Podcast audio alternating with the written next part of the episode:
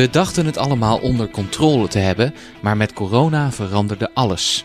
Opeens kwam een groot deel van de werkende en schoolgaande bevolking onvrijwillig thuis te zitten, waar we zo goed mogelijk proberen te functioneren.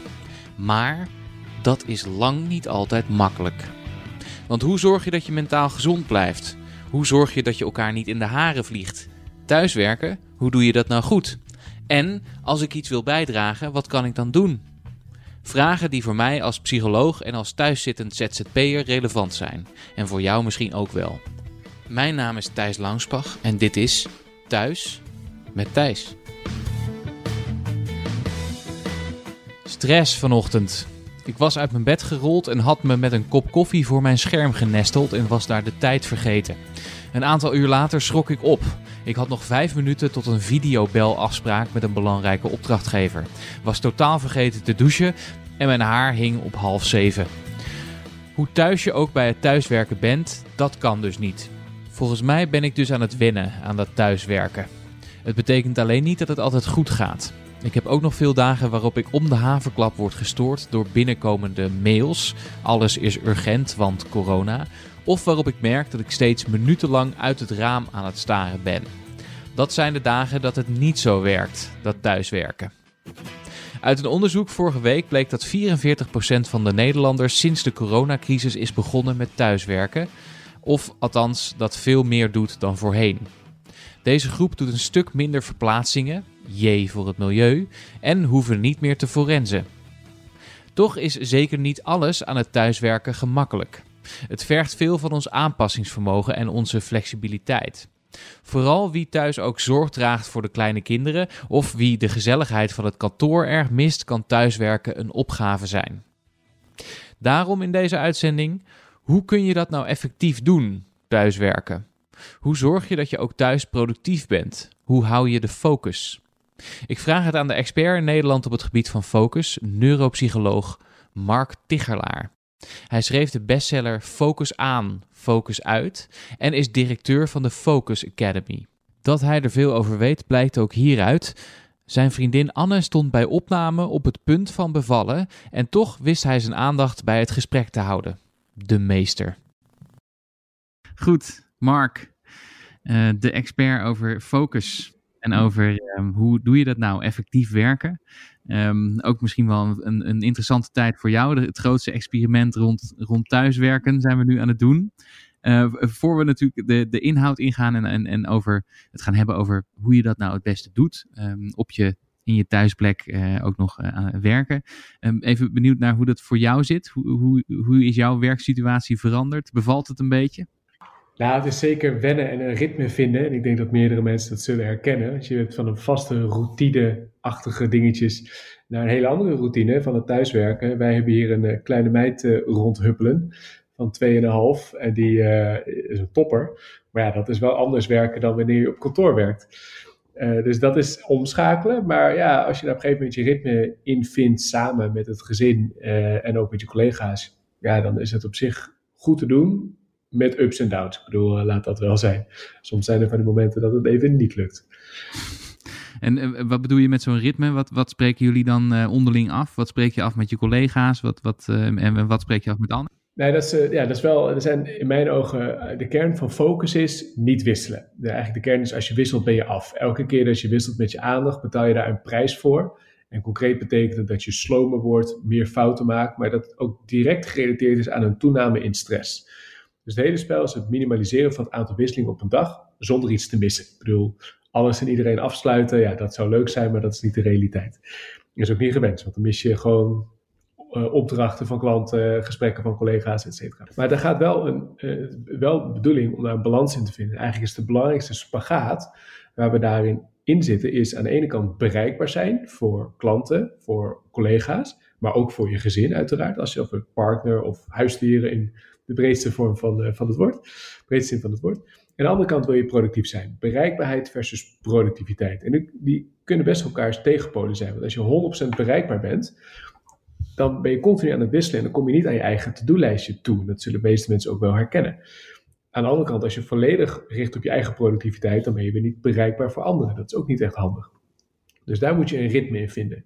En dat ritme begint met het bespreekbaar maken binnen je team, binnen je organisatie, met je collega's, eventueel met klanten en ook binnen je gezinssituatie. En een van die afspraken kan bijvoorbeeld inhouden: wanneer ben jij onbereikbaar? Dat je even de echte diepte in kunt duiken. Ik geef vaak de metafoor van uh, diepzeeduiken. Duik je eigenlijk ook? Dat weet ik niet zeker. Duik jij? Ik heb uh, afgelopen zomer een keer freediving gedaan. Dus dat is dan zonder, uh, oh, zonder wow. zuurstof. Maar, te gek, te gek. Maar dat kan je, dat kan je dan dus niet heel lang volhouden. Um, ook al focus je heel erg. I know, ik vind dat fantastisch. Ik heb dat nog nooit gedaan. Ik weet wel dat ik mijn eerste duikles had. Dan was ik vol trots, haalde ik de 30 meter. En, jee, en er zat iemand naast me zonder zuurstoffles, gewoon tikkie. En we gingen weer omhoog. En ik nou oké, okay. jij wint.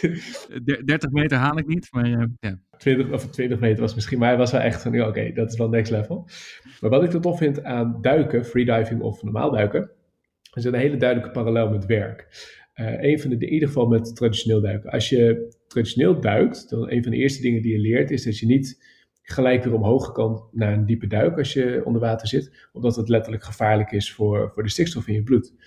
Uh, wat betekent dat als de bootmaster zegt van hey, het weer kan omslaan, dus je kan een signaal geven dat je elk moment omhoog gaat, uh, omhoog moet, dan betekent dat automatisch dat je niet heel diep kan duiken. Dan moet je een beetje letterlijk aan de oppervlakte blijven.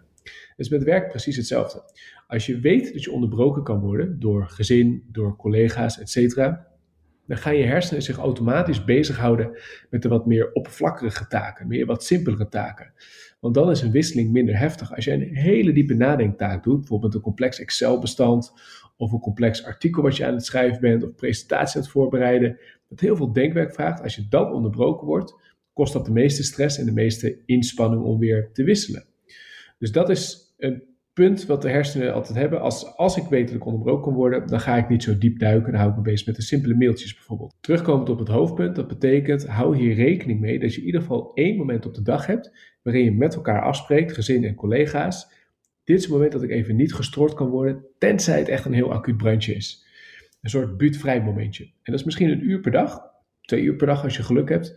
Maar er zijn wel die momenten dat je echt even lekker de diepte in kunt duiken en aan de meest ja, fulfilling, meest, hoe zeg je dat? Taken die je de meeste voldoening geven kunt werken. Ja, dus dat is je, dan, dan kom je je deep work in. Hè? Dus het verschil tussen, tussen shallow work, bellen, bellen, vergaderen, mailtjes tikken. Dat, dat doen we eigenlijk allemaal de hele tijd, heel veel. Maar je hebt ook af en toe die momenten van deep work nodig. Maar dat zijn wel de taken waarbij het een kwartier, een half uur duurt voordat je er echt in zit. Exact. En als je in, in die tijd onderbroken wordt, als je zegt de eerste, nou, dat kennen we allemaal, die, die opstarttijd, die vijf minuten, tien minuten, een kwartier. Als je dan halverwege ergens onderbroken wordt, ja, dan moet je er weer opnieuw inkomen. En dat geeft enorm veel frustratie en ook stress. En je kunt je stress verminderen door dit te regelen. Maar je, je moet het wel regelen, die bereikbaarheid. Want als je het niet regelt, dan wint bereikbaarheid het altijd van die productiviteit. Op dit punt in het gesprek hebben Mark en ik het dus over het onderscheid tussen deep work en shallow work. En dat onderscheid komt uit een boek, uh, dat heet ook Deep Work van Cal Newport die uh, dat heel mooi aangeeft. Um, shallow work, dat zijn dus de dingen waarbij je best gestoord kunt worden. Dat mailtje of dat belletje of uh, die vergadering die je aan het doen bent. En daar kan je best af en toe bij gestoord worden door een peuter die hulp nodig heeft of uh, je huisgenoten. Dat is niet zo erg. Maar deep work, dat is je echt concentreren op een moeilijke en zware taak. Waar ook echt je concentratie voor nodig is.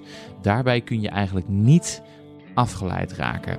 Want dan ben je je concentratie weer kwijt en duurt het weer een hele poos voordat je terug bent bij de taak waar je mee bezig was. Dat zijn overigens wel de taken die het meest voldoenend zijn en waar je het meeste uithaalt en waar je het effectiefst bent.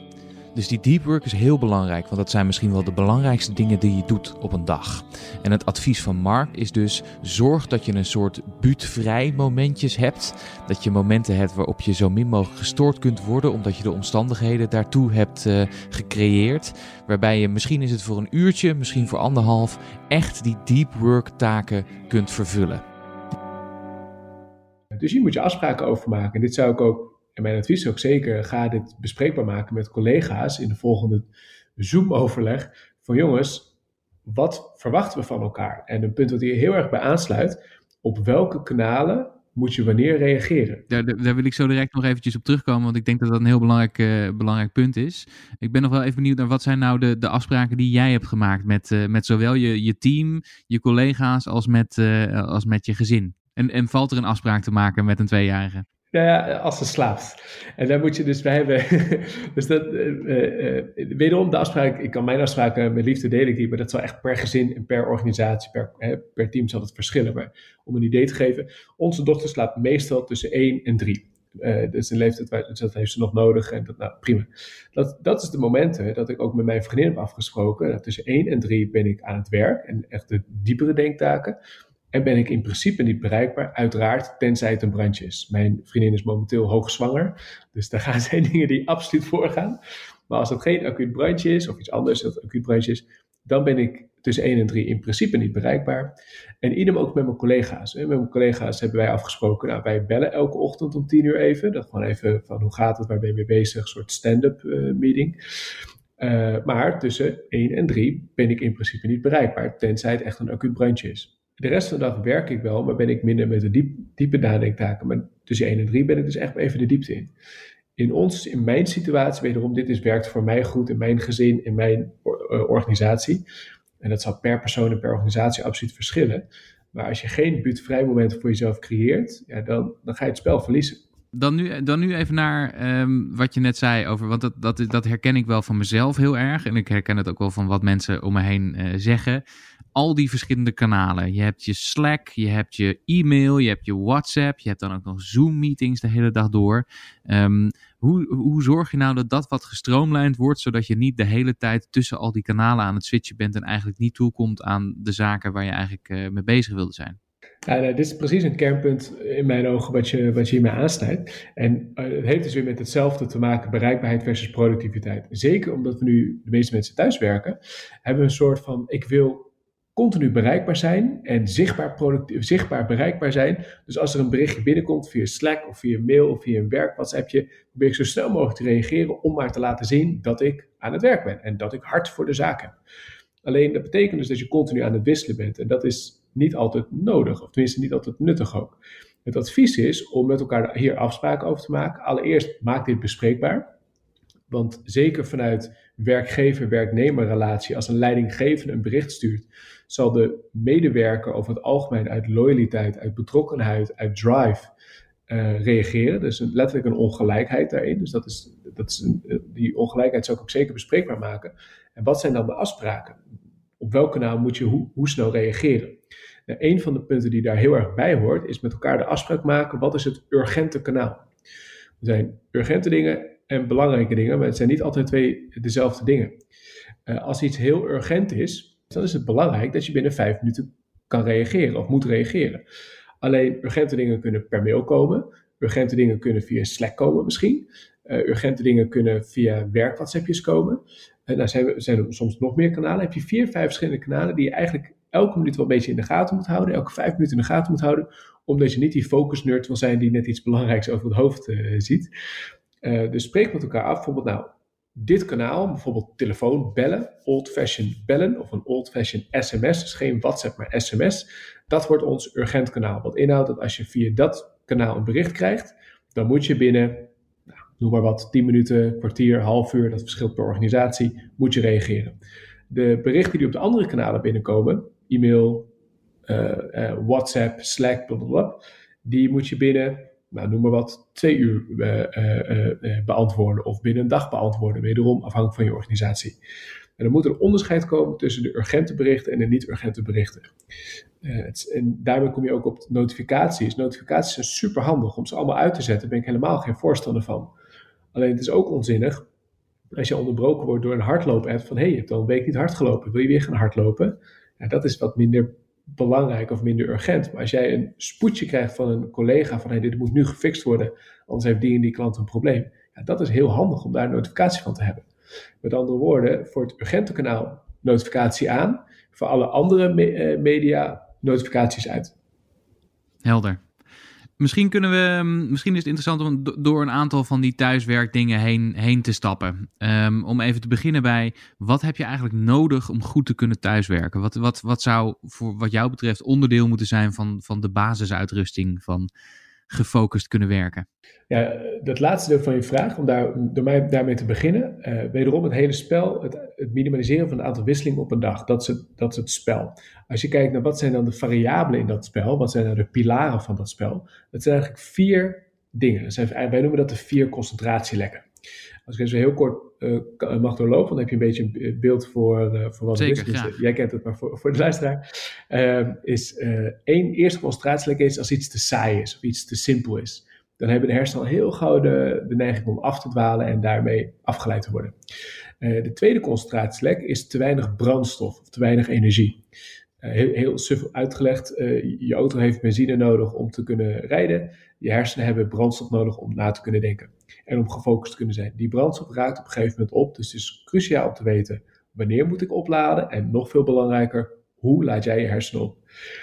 Uh, deze twee, concentratielekken, te weinig uitdaging en daarmee je uitdaging vergroten om uitdaging te maken en je hersenen op de juiste manier opladen, die vormen je weerbaarheid tegen, tegen afleiding.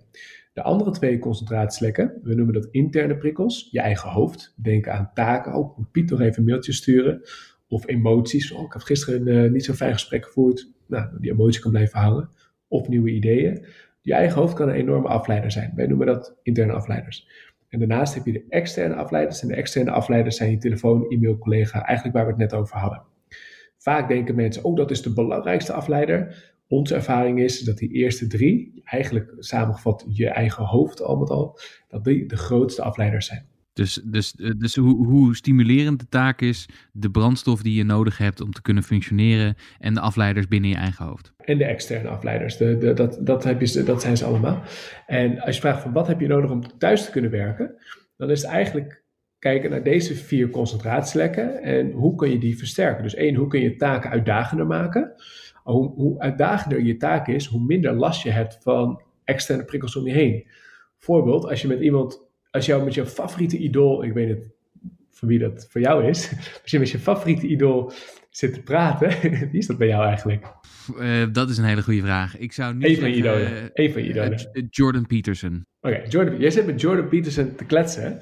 Dat, dat is te gek. Dat is een uniek moment. Dan heb je heel veel engagement. De taak is dan heel prikkelend. De kans dat jij er op dat moment dan aftelt naar je to-do-lijst, van ook oh, moet morgen Piet nog even een mailtje sturen, is niet zo groot. Want je hebt heel veel engagement. Dus, en de truc is om dat te doen bij saaie taken. Dus als ik een saai verslag moet tikken of een saai Excel-bestand moet doorhakken, hoe maak ik die taak uitdagend? Kunnen we het zo over hebben. Twee is, als jij voldoende brandstof hebt, dan zijn je hersenen automatisch weerbaarder om zich af te sluiten tegen externe prikkels zoals kinderen, eh, collega's, etc. Je bent weerbaarder. Dus ook hier, hoe verhoog je uh, brandstof en energie? En het derde punt is hoe verlaag je de prikkels in je eigen hoofd? Hoe zorg je ervoor dat je hoofd zoveel mogelijk leegt? Nou, dat is ook zeker ook jouw expertise. Uh, en daarmee ook je stress verlaagt. hoe meer je dat doet, hoe minder last je hebt van omgevingsfactoren, wederom kinderen, huisdieren, partner en ook collega's.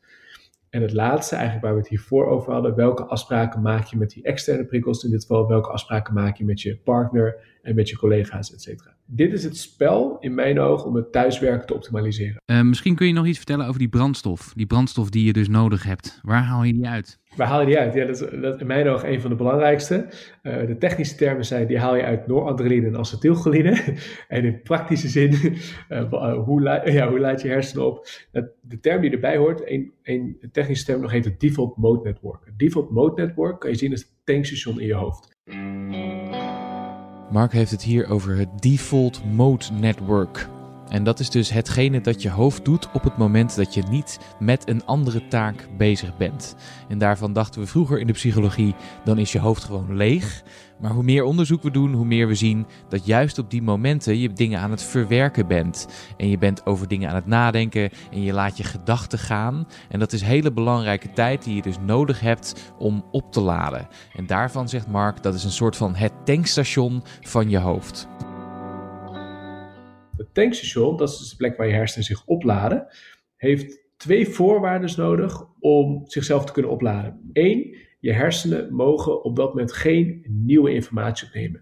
Op het moment dat je nieuwe informatie opneemt, hoe leuk dat ook mag zijn, dan zijn ze per definitie weer in de werkstand en niet in de oplaadstand. We hebben het nu te, over de pauzes die je neemt tussen het werken door. Hè? Exact. Wat de meesten doen, uh, misschien herkenbaar, wat ik vroeger in ieder geval deed, als ik in een pauze zat, pakte ik mijn telefoon erbij, ging ik even door Instagram scrollen, door Twitter scrollen, naar nu.nl, et of naar ad.nl.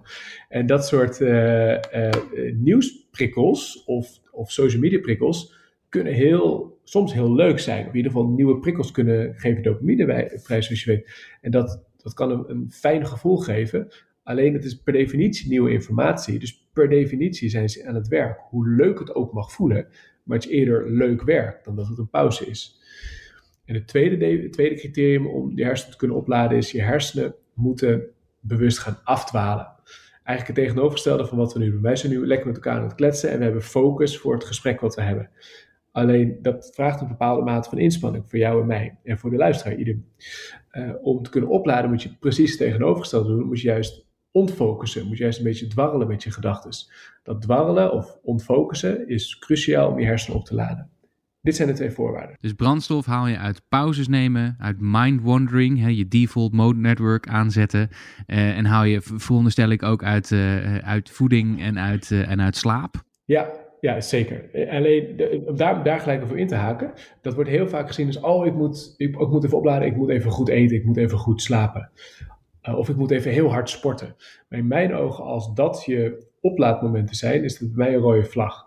Want wat, wat er heel vaak gebeurt is dat mensen, ja, maar overdag werk ik de hele dag door. Ja, en s'avonds ga ik wel even opladen. Of work hard, play hard. Ik ga heel hard werken, maar daarna ga ik heel hard sporten. Ja, technisch zijn die twee dingen hetzelfde. Zolang je niet afdwaalt met je gedachten, wat je met heel intensief sporten niet doet, ben je niet aan het opladen. Dus heel hard sporten is geen vorm van een pauze, wat heel vaak nog wel gedacht wordt, maar dat is niet zo. Uh, en ze zijn heel veel in slaap. Als je alleen slaap als oplaadmoment gebruikt, dat is veel te laat. Je hebt het bijna elk uur even nodig en niet aan het einde van de dag. Dus in plaats van uh, keihard te gaan uh, interval trainen, wat natuurlijk ook wel een plek heeft, uh, is een ommetje maken en even je gedachten de vrije loop laten een hele goede. Laten we dan ook nog even teruggaan naar de eerste concentratielek. Hè? Dus wat je zegt, het moet, een taak waarmee je bezig bent moet niet te saai zijn. Je moet het wel een beetje uitdagend voor ja. jezelf maken. Wat, hoe kun je dat doen te midden van Oeh de, eindeloze Zoom-vergaderingen en de notulen die je moet doorlezen dan wel maken. En de Excel-sheets over contingency planning en al dat soort dingen. Hoe hou je dat leuk? Ja, ja dat is een goede. Er zijn, er zijn twee vormen om dat te doen. Eén is de taak zelf uitdagender maken. Nou, er zijn een aantal dingen die je daarvoor kan doen, kunnen we zo bespreken. En twee is iets heel simpels ernaast doen. En eigenlijk hebben we het dan over multitasken. Multitasken wordt heel vaak gedacht, oh, multitasken, dat is slecht. Dat moet je ten alle tijden vermijden. Is totaal achterhaald, is helemaal niet waar. Multitasken is fantastisch, een manier om je focus te vergroten, je aandacht bij iets te houden, mits de taak die je daarnaast doet geen bewuste aandacht vraagt. En het meest simpele voorbeeld dat we misschien allemaal wel kennen is, uh, zeker tijdens een Zoom-meeting misschien ook, maar zeker tijdens een telefoongesprek, is van die, zeker als het wat saai is, een beetje poppetjes tekenen, boompjes tekenen.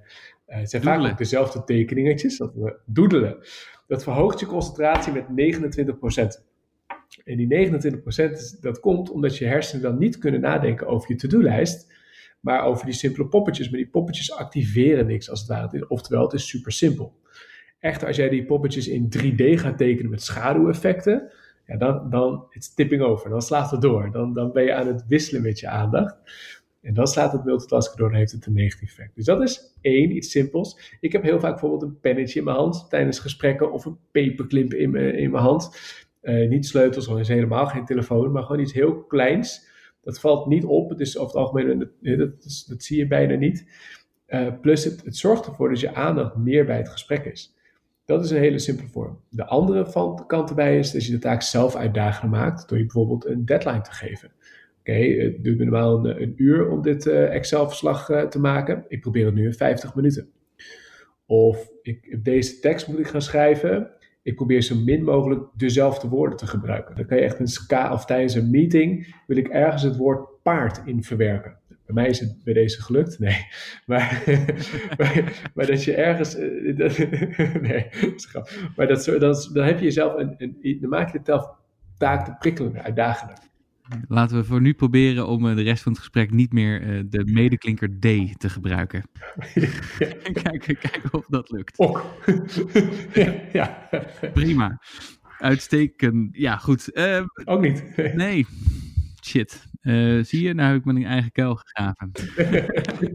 Oké, laten we hier maar gelijk bij ophouden. Even kijken, maar dus, hè, verzin manieren om het minder saai te maken. Of, of het uh, hè, door, door iets kleins te gebruiken, hè, iets kleins in je handen te hebben. Of, um, ja. of, of jezelf net een beetje een uitdaging. Bijvoorbeeld bij, bij Zoom-meetings. Ja, bijvoorbeeld bij Zoom-meetings probeer op de non-verbale communicatie te letten. Of uh, zorg ervoor dat je de actie zo duidelijk mogelijk verwoord hebt. Of ik wil zorgen dat iedereen zich gehoord voelt. Zijn allemaal hele kleine mini-taakjes die je bij de hoofdtaak, in dit geval de Zoom-call, erbij kan doen. En dat maakt de saaie call, stel dat het een saaie call is, maakt het wat uitdagender, wat prikkelender. In ieder geval zorgt ervoor dat de kans kleiner is dat je gaat afdwalen naar omgevingsprikkels of je to-do-lijst. Want die hebben vaak een soort kettingreactie in zich. Oh, als ik Piet mail, moet ik ook nog even vragen hoe het met Claire is. En en voor je het weet ben je zes stappen verwijderd van het hoofdonderwerp. Ja, dus enige uitdaging is geboden, maar niet, niet te uitdagend, waardoor je met je hoofd weer helemaal ergens anders bent. Want dan ben je weg. Dan ben je gewisseld en dus af. Dus dit zijn de vier concentratielekken van Mark Tichelaar. Te weinig prikkels, waardoor je uh, niet genoeg uitgedaagd wordt en je je gaat vervelen. Te veel interne prikkels, dus te veel gedachten of ideeën die bij je oppoppen terwijl je iets aan het doen bent te weinig brandstof hebben. En dat doe je dus door pauzes te nemen. Dan, daar zorg je voor die brandstof voor je hoofd of om even je hoofd uit te zetten, zodat je daarna weer door kunt. En te veel externe prikkels. Die mailtjes, die peuter aan je bureau, de hond van je buurman, etc. Als je deze vier lekken zo goed mogelijk weet te dichten, zegt de neuropsycholoog, dan werkt het thuiswerken in ieder geval qua focus heel goed voor je.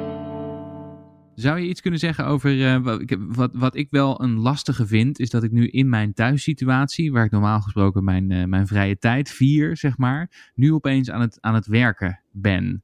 Uh, en wat voor mij op zich wel goed werkt, is als ik dat echt ook, als ik één plek vind waar ik dan aan het werken ben en waar ik ook niet ga zitten als ik niet aan het werken ben. Uh, zijn er nog een aantal van die, van die trucs die jij misschien hebt over hoe je nou dat onderscheid wat beter kunt maken? Nou, zeker. Dat is ook lastig inderdaad. Wat, wat we ook heel veel horen is dat mensen de tijd die ze normaal van huis naar werk hebben, die hebben ze nu niet. Dus aan het, einde van, aan het begin van de dag hoor je heel vaak, ja, een beetje nadenken, wat zijn mijn prioriteiten voor die dag? Ja, dat heb je niet, want je gaat zitten en je gaat werken. Dus dat is wat anders. En omgekeerd, wat je heel vaak hoort, is dat mensen van, de, eh, van werk terug naar huis even de dag de revue te laten passeren. Wat weer een vorm is van het default mode network waar we het net over hadden, om ook je hersenen weer op te laden. Ze geven de, de gedachten weer een plek. Uh, die, beide heb je niet, dus dat is, wat, dat is wat anders. Uh, wat ik heel erg aanraad, is eigenlijk twee onderdelen. Om sneller in die focusbubbel te komen, de, een focusroutine te bouwen. Dus een aantal vaste dingen die je kunt doen om makkelijk in die flow te komen. Nou, een van de dingen, zoals jij zegt, horen we heel vaak. Het liefst werk je op een vaste werkplek. Dat, dat als je die ruimte hebt, dat letterlijk, dat is het fijnst. Maar er zijn ook andere dingen. Bijvoorbeeld, uh, ik heb vaak een vaste playlist die ik, als ik in die focusbubbel van 1 tot 3, waar we het net over hadden, heb ik een vaste playlist die ik altijd aanzet. Dus elke keer dezelfde playlist. Uh, en het, het, is niet dat dat is niet saai, het is focus. Het is een, soort vaste routine. Uh, ik drink bijna geen koffie. Ik denk zelden koffie, maar als ik echt even gefocust wil werken in die 1 tot 3 uur, dan drink ik een espresso. Dat is onderdeel van mijn focusroutine. En zo heb ik meer van dat soort kleine dingetjes die ervoor zorgen, echt, echt letterlijk een vaste routine, dat ik in die flow kom. Ik zorg ook dat ik dan voor die tijd, tussen 1 en 3, ben ik naar de wc geweest, heb ik gegeten. Oftewel, ik kan niet afgeleid worden door dat soort dingen. Uh, nou, check die afsluitroutine, die is misschien nog een soort check-out routine, zoals wij hem noemen, die is misschien nog wel belangrijker in deze tijd. En die check-out routine is een beetje hetzelfde, dat je een vaste manier hebt om je dag af te sluiten. Want anders wordt het uh, werk en privé wordt je vloeibaar in elkaar overlopen. En dat wil je in mijn ogen vermijden. Want dan blijf je met werk bezig en dan heb je dus minder oplaadmomenten en dan kom je in een negatieve spiraal. Een van die dingen die je zou kunnen doen bij een checkout routine, en wederom dat verschilt per persoon, dus ik ga gewoon een aantal dingen noemen, je moet voor jezelf kijken, dit past wel en dit past niet bij mij, is op een vast moment, als het kan, vast moment stoppen met werken. En op een vast moment dan je dag afsluiten. En een van de dingen zou kunnen zijn: oké, ik ga nu voor, bijvoorbeeld, eh, ik stop om uh, half zes, ik noem maar even een dwarsstraat. Uh, om kwart over vijf doe ik mijn laatste mailcheck. Heb ik nog dingetjes over het hoofd gezien? Als het kan, een klein beetje de mailbox leegwerken. een laatste agenda check. Want zijn er dingen morgen die ik anders over het hoofd zou hebben gezien. En dan werkt het heel goed, en dat, dat kennen we allebei. Dat is de mindsweep of de breindump, afhankelijk van hoe, welke naam je wilt geven. Dat is bedacht door David Allen, om je hoofd even leeg te schrijven op een blaadje. Mag ook op je telefoon, dat maakt niet zoveel uit. Maar letterlijk even, oh ja, wat zijn nog de open eindjes die door je hoofd loopen, als het ware. Het kunnen taken zijn, het kunnen ook emoties zijn. schrijf dat op. De slechtste plek om kleine taken of emoties te bewaren is in je hoofd. De beste plek is op papier of op desnoods in je telefoon. Dat, kan heel, dat zijn een aantal dingen die heel goed kunnen helpen. En wat daarnaast heel goed helpt, en misschien ken je dat onderzoek, wissel van kleding. Het werkt onwijs goed om je dag af te sluiten, je werkdag af te sluiten, door als je, je bent al thuis, maar gewoon je dag, werkdag afsluit, door letterlijk even andere kleding aan te doen. Dat, dat zorgt voor een soort ja, onderscheid voor je hersenen om het werk meer los te laten. En het laatste punt waar ik een heel groot voorstander van ben, als je dan thuis op de bank zit of lekker uit eten zit met je partner en er schiet een werktaak te binnen, haal dat gelijk uit je hoofd. En wederom dat, ja, hetzelfde werk waar we allebei een groot fan van zijn, haal dat gelijk uit je hoofd, dat het niet in je hoofd blijft zitten. Dus of pen en papier of wederom je telefoon. Oké, dus uh, als ik zo naar jou luister, dan is uh, verder werken in mijn pyjama is er niet meer bij voortaan. Helaas, helaas. Ik vind hem hier wel mooi staan overigens, dat mag wel gezegd worden. dat is vriendelijk van je. ik heb een feestelijke pyjama aangetrokken voor je. Word ik hier door de neuropsycholoog toch mooi even aangesproken op mijn neiging om in mijn joggingbroek te werken? Enfin, we gaan weer door. Wat, doe, wat kun je doen tegen uitstelgedrag? En je kunt wel een mooi doel hebben en een, een, ding waar je op focust, maar dan horen daar vast ook nog wel taken bij die helemaal niet zo leuk of spannend zijn. En waar je misschien helemaal geen zin in hebt. En dat zijn nou precies van die taken die je dan, de, eh, de, zeker in thuiswerksituaties, als niet een collega op je zit te wachten, kun je, zijn dat nou die dingen die je eigenlijk de hele tijd vooruit kunnen schuiven? Ja. Wat kun, wat kun, je, daar, wat kun je daar tegen doen? Nou, ook dat kan je vanuit meerdere optieken uh, bekijken. In mijn ogen is uitstelgedrag niet een motivatieprobleem, maar een focusprobleem. Als je kijkt naar wat stellen we over het algemeen uit, dat zijn niet de hele simpele uh, taken. Dat zijn de taken waar we vaak net even iets meer bij na moeten denken. Dat zijn bijvoorbeeld de e-mails die het langst in je inbox zitten. Dat zijn de e-mails één waarvan je vaak niet precies weet wat er van je verwacht wordt. Je weet het wel globaal, maar niet exact. Maar ook de taken waar je gewoon net even iets meer bij na moet denken.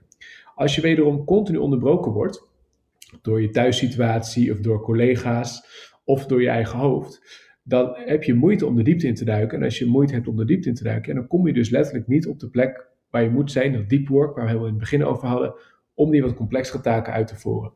Dus in mijn ogen, begin met het creëren van die buurtvrij momentjes, waar we onze podcast mee begonnen. Dan heb je letterlijk de ruimte om de diepte in te duiken. Is het een garantie dat je nooit meer een taak uitstelt? Nee, ik stel ook nog wel eens taken uit en dat zou jij ook hebben. Dat hebben we allemaal. Maar dat maakt de kans wel een heel stuk kleiner. Mijn uitstelgedrag is drastisch teruggenomen. Uh, simpelweg doordat ik de ruimte heb om te focussen. De ruimte creëren om te focussen. Je hoort nu steeds vaker stemmen die zeggen: ja, dat thuiswerken dat is niet een, iets tijdelijks wat we nu even een paar maanden doen voordat we weer teruggaan naar kantoor of teruggaan naar onze oude manier van doen. Uh, maar dat is eigenlijk iets dat, dat de komende tijd nog wel gaat blijven. Dat nog een, een, hele lange tijd min of meer het nieuwe normaal gaat worden. Is dat goed nieuws wat jou betreft? Ja, in deze, eh, je kan het economisch gezien, politiek gezien, is, is een ander vraagstuk. Maar vanuit focus gezien is het een irrelevant. Want in wezen, of je nu thuis werkt of dat je op kantoor werkt, beide kunnen uitdagingen hebben. En de ene gedijt beter op kantoor en de andere gedijt beter in een thuissituatie. Er zijn persoonlijke verschillen. Maar het komt allemaal weer terug op die vier concentratielekken waar we mee begonnen. Hoeveel, hoe uitdagend maak je de taak? Hoeveel brandstof heb je? Hoeveel interne prikkels, je eigen hoofd heb je? En hoeveel externe prikkels heb je? Het is nu wel zo dat in een thuissituatie er een nuanceverschil is ten opzichte van kantoor. Dat er meer externe prikkels zijn als je met jonge kinderen of überhaupt met kinderen in je huis zit. En ook dat brandstofelement waar we het ook over hadden. Uh, door de alle nieuwsprikkelen, als je continu je nieuwsupdates blijft volgen, dan krijg je continu prikkels tot je.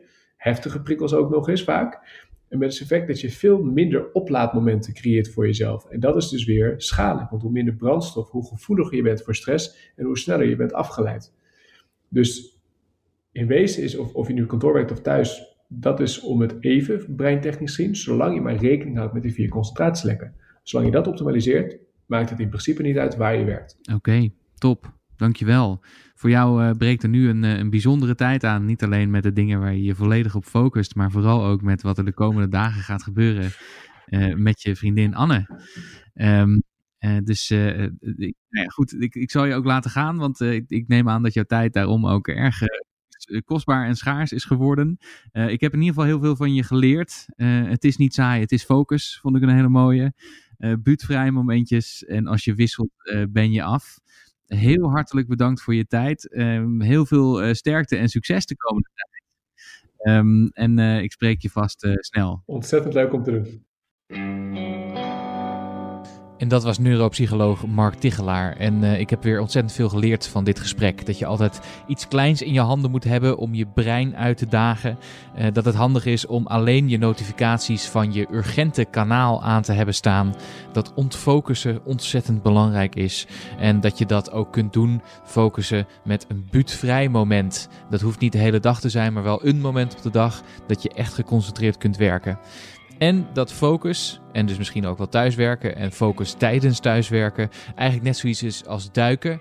Als je maar een beetje aan de oppervlakte blijft, dan zie je niet zoveel. Maar als je echt diep kunt duiken, dan is het pas echt voldoenend. En dan haal je er heel veel uit. Nog een leuke laatste mededeling. In de tijd tussen het interview dat ik had met Mark en het moment dat ik dit nu uh, voor jullie online zet, is Mark inderdaad opnieuw vader geworden.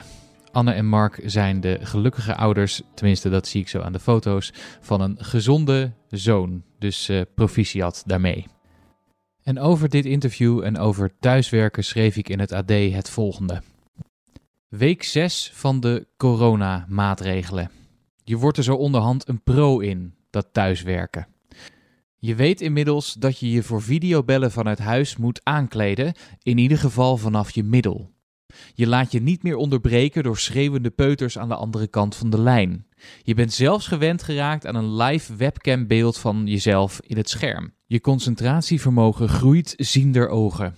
De eerste online vrijdagmiddagborrel is achter de rug. Het is nog steeds niet ideaal, maar wir schaffen das. Vorige week bleek uit onderzoek van TNO dat we het thuiswerken steeds meer onder de knie krijgen. Gaven we onszelf een paar weken geleden nog rapportcijfer 4 voor onze productiviteit. Inmiddels stijgt dat tot een dikke 5. We lijken dus wat te wennen aan de nieuwe situatie. Er zijn zelfs mensen die het juist prettiger vinden werken dan op kantoor. Die mensen zien zichzelf na corona wel deels thuis blijven werken als het mag. Ook van het beeldbellen beginnen we voordelen te zien. Twee uur file rijden om een uurtje te overleggen over de productiecijfers is in de toekomst wellicht niet meer nodig. Beter voor het milieu en voor je geestelijke rust. Laten we dat er dus vooral inhouden. Toch bevalt het niet iedereen. Vooral jongeren en mensen met jonge gezinnen valt het thuiswerken zwaar, blijkt uit het onderzoek. De eerste groep omdat het met thuiswerken een belangrijke sociale component van het werken wegvalt. De tweede omdat werken, zorgen en onderwijzen tegelijk eigenlijk niet blijkt te kunnen. Je kunt je aandacht maar op één ding tegelijk richten en je kroost is meestal niet goed in wachten. Voor deze groepen en ieder ander die het thuiswerken zwaar valt, deze tips om er het beste van te maken. Ga goed beslagen ten ijs. Een beter moment om te investeren in een goed scherm, een fijne stoel of een koptelefoon is er niet. Je zit er nog wel even, dus maak het je zo gemakkelijk mogelijk. Maak onderscheid tussen werktijd en niet-werktijd. Doe je dit niet, dan ben je altijd aan het werk. Draag je samen de zorg voor kinderen, werk dan zoveel mogelijk in shifts. De een aanspreekpunt, de ander concentreert zich. Communiceer veel over wat er lukt, maar ook over wat even niet gaat. Accepteer dat je minder productief zult zijn dan anders. Dat is niet iets om je schuldig over te voelen. Doe wat kan, wees eerlijk over wat niet lukt. Neem pauzes. Want je hoofd kan, ook thuis, niet altijd aanstaan. Het liefst vul je de pauze niet met nog meer informatie. Het is lente en het mag nog. Maak een ommetje.